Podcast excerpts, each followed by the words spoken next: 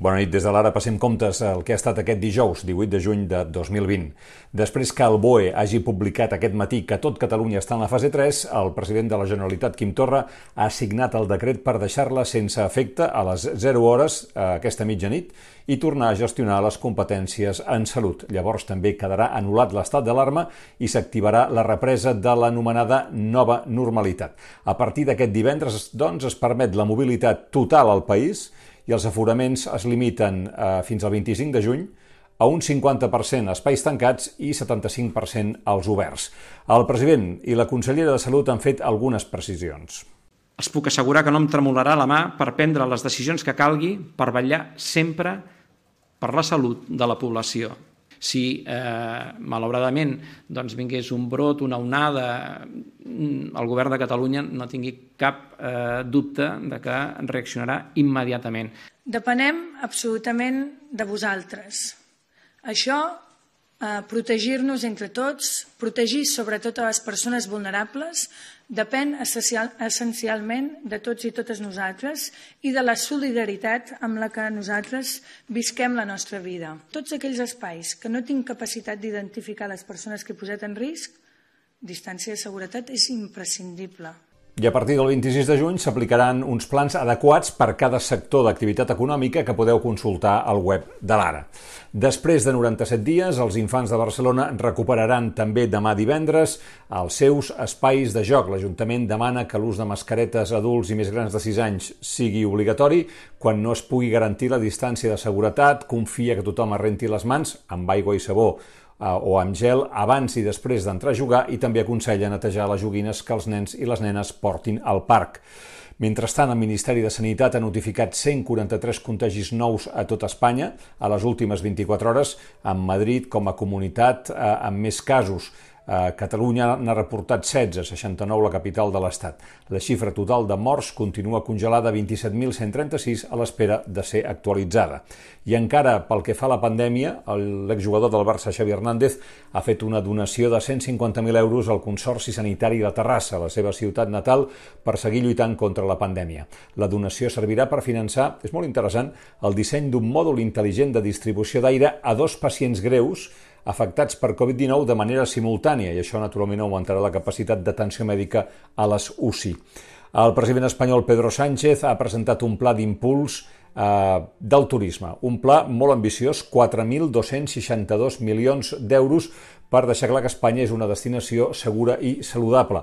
D'aquests més de 4.000 milions, 2.500 són per avals de l'ICO, a empresas del sector que están patint l'impacte del virus. Nos urge ponerlo en marcha porque es decisivo posibilitar su recuperación y creo que además las buenas noticias son que gracias a la evolución de la epidemia pues hemos podido lograr eh, adelantar la reapertura de fronteras, por ejemplo eh, con los países Schengen el próximo sábado y paliar, en la medida de, los, de, lo posible, los efectos adversos de la pandemia sobre su actividad y asegurar la continuidad y la competitividad del sector. El plan que hoy presentamos eh, està dotat con más de 4.250 milions d'euros. Per cert, i parlant de política espanyola, que en una entrevista a Televisió Espanyola el portaveu d'Unides Podemos al Congrés, Pablo Echenique, ha afirmat que tothom sap què va passar en relació a l'expresident del govern espanyol Felipe González Díaz Gal i que, per tant, no deixaran que res els distregui de les polítiques socials que estan fent. Però la realitat és que, eh, per més que Unides Podemos, que ara està al govern, miri cap a una altra banda, Esquerra, Junts per Catalunya, PNB, CUP i BNG han registrat al Congrés la petició per crear una comissió d'investigació sobre González i els GAL. Tal com ho veu Donald Trump, Espanya i França, juntament amb Itàlia i el Regne Unit, s'han convertit oficialment en enemics dels Estats Units i ha suspès el diàleg en la negociació fiscal a l'OCDE a causa de la taxa Google que Espanya i aquests altres països volen tirar endavant. És clar, avui és un mal dia per Trump perquè, tot i tenir la balança del Tribunal Suprem decantada al seu favor, el president dels Estats Units ha rebut una clatellada inesperada. En una sentència de 5 a 4, el Suprem ha declarat il·legal l'ordre executiva de Donald Trump en què donava per acabat el programa de regularització dels anomenats Dreamers, els somiadors, els joves immigrants que havien arribat al país eh, quan eren nens, de la mà dels seus pares, van entrar de manera il·legal, però han, han anat estudiant, fins i tot han arribat a la universitat i ara eh, es troba que els anaven a expulsar.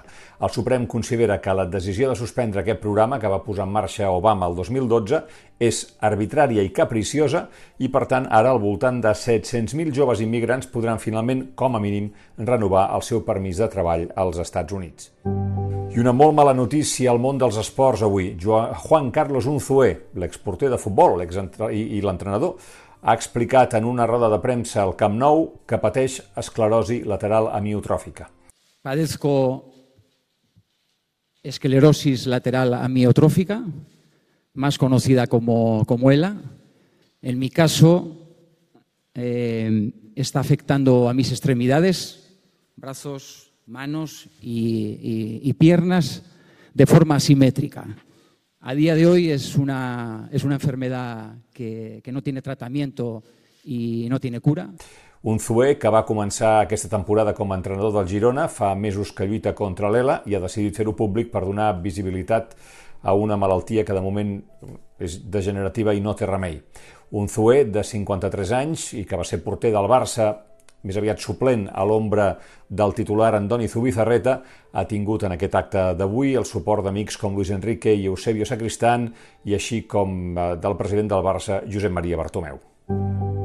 I el temps, aquesta nit i demà encara de ploure, Miquel Bernis? Demà encara hi haurà algunes tempestes, al matí sobretot a les Terres de l'Ebre i a la tarda al Pirineu i en altres comarques interiors.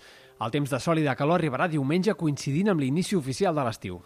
Fins aquí les claus del vespre. Demà més, a quarts de nou del matí, les claus del dia. Bona nit i que descanseu.